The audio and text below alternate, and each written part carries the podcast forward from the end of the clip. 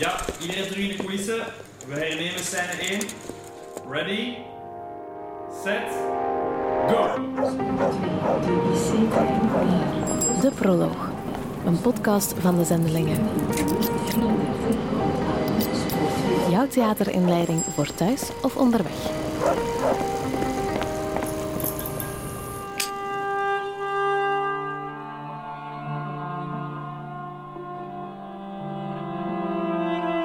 Hoi, ik ben Eva En ik ben Jens.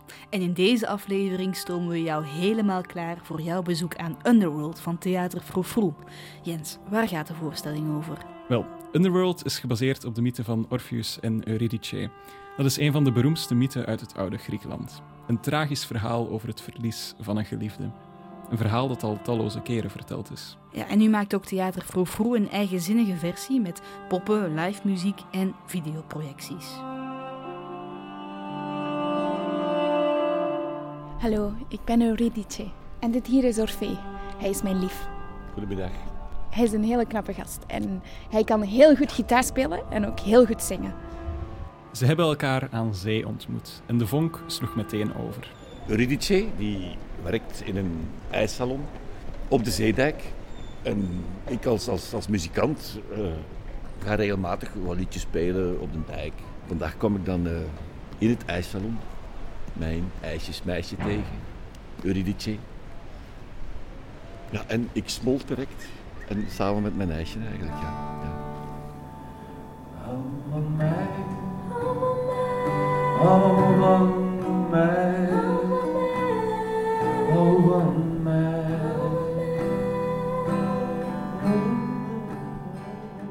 Het gebeurde allemaal op mijn verjaardag. Voilà. Ja. En, En ik- hij ging parels zoeken voor mijn verjaardag. Ja, ik dook onder en ik kwam boven en, en Eurydice was plots weg. Geen spoor achtergelaten, dus ik, ik ben eerst op zoek gegaan eh, op het strand, op de dijk. Ik dacht dat die, is- die, die is verdronken, meegesleurd met de, met de stroming.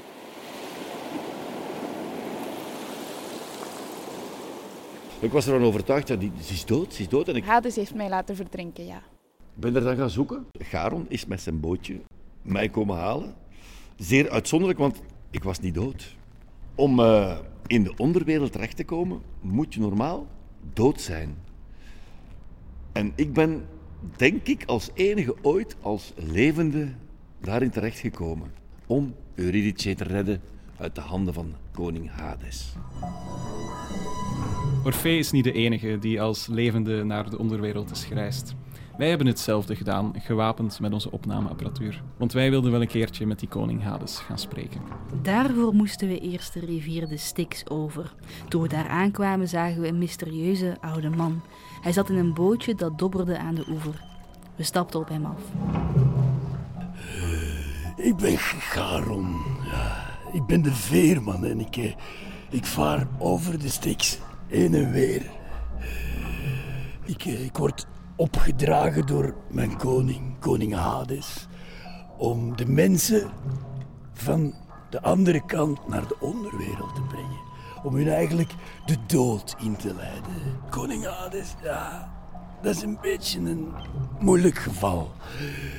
Eh, ik heb een beetje een verleden met zijn, met zijn vrouw. En, eh, maar ja, ik luister en ik doe mijn plicht. Ja, ik doe wat ik moet doen. Dat is mijn taak in het eh, leven. het leven. Excuseer.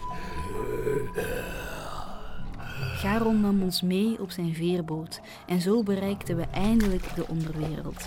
Al snel vonden we de troon van koning Hades en zijn koningin Persephone, allebei in het zwart gekleed. Zij zijn de grote machthebbers die regeren over de doden. En ze worden bijgestaan door de tantekes, drie bejaarde dames met gitzwarte ogen en lippen. Ik ben uw God, ik ben uw king. Heerser van het Schimmenrijk. Ik ben uw God, ik ben uw king. Welkom in de onderwereld. Welkom. Welkom, Ja. welkom. Ik ben Hades en naast mij zit eh, mijn vrouw. Persephone, ik ben de koningin sinds jaar en dag.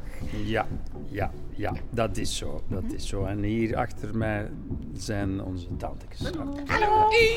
Ja, ja, wij, wij, zijn, wij dienen de koning en, en de koningin ook een klein beetje. Ja, maar meer de koning. Ja. Maar op de dag word ik koningin. Nee, nee, ik. Nee, nee, ik. Ik, Ik ook. Ja, zeker, met uw citroenenkop. Ah, gaat Dat heb gezien. Ja, heb je zelf eens bekeken? Alles wat ik gezegd Met die ballenbop, dat past trouwens geen kroon. Tante Kus. Ja. Dus u weet, als u eenmaal hier bent gekomen, dat je niet terug kunt. Hè? Ja, dus eenmaal bij ons, eeuwig bij ons. U zit in de onderwereld. Uit de dood kan niemand u verlossen. Jammer, helaas, pindakaas. Ja, ja, ja. We merkten dat het niet zo goed meer boterde tussen Hades en zijn koningin. ja wat ik eh, diep, diep van binnen wil, is natuurlijk... Nee, tante, iets, ik wil iets jonger.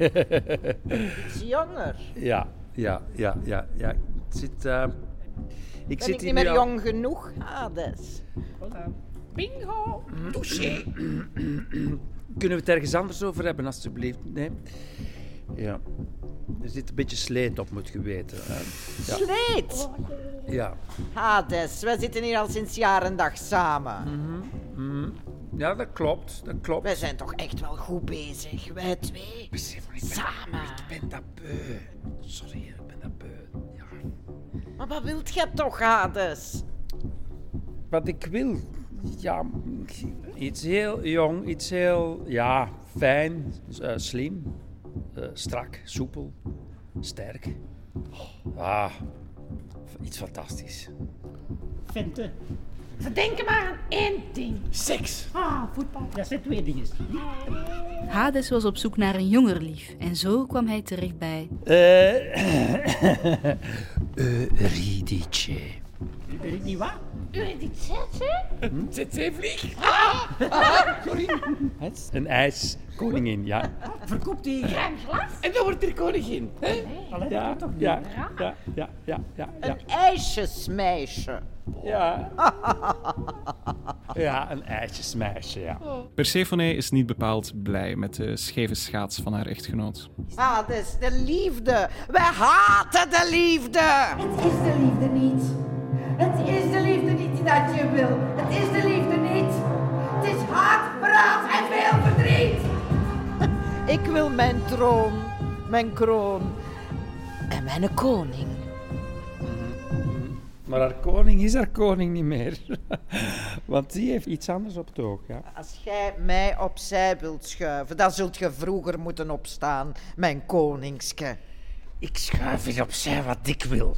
Dat heeft met durven niks te maken. Hades is dus verliefd op Eurydice. We vroegen hem of die liefde ook wederzijds is. Hij dacht alleszins van wel. Ik ga haar alles geven. Alles, alles wat ik te bieden heb. En dat is veel.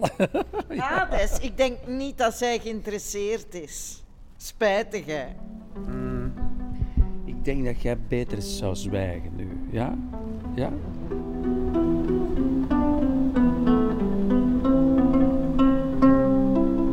Eigenlijk een beetje een psychopaat. Hè? Dus, eh, hij heeft mij vermoord. Ik heb dan heel veel keren gezegd dat ik de troon niet wil, dat ik zeker geen kroon wil, dat ik weg wil, mm, naar Orfee wil. En hij luistert daar gewoon niet naartoe. Hè? Wat ik ervan vind, dat, dat Hades zijn oog heeft laten vallen op Eurydice. Nu, aan de ene kant, ik begrijp hem, want het is een fantastische, prachtige, mooie, lieve verschijning, Oh, mijn Orfee. Eurydice.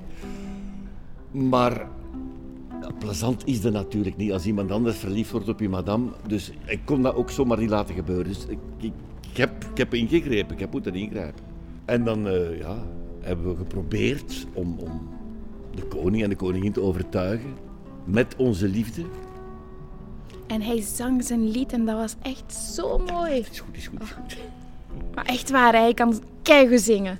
En dan, dan ja, hebben we de koning en de koningin toch zo ver gekregen dat ze ons lieten gaan, dachten we. Ja, dat is, dat is een heel lang verhaal. Eigenlijk moet je dan naar de voorstelling komen kijken hoor.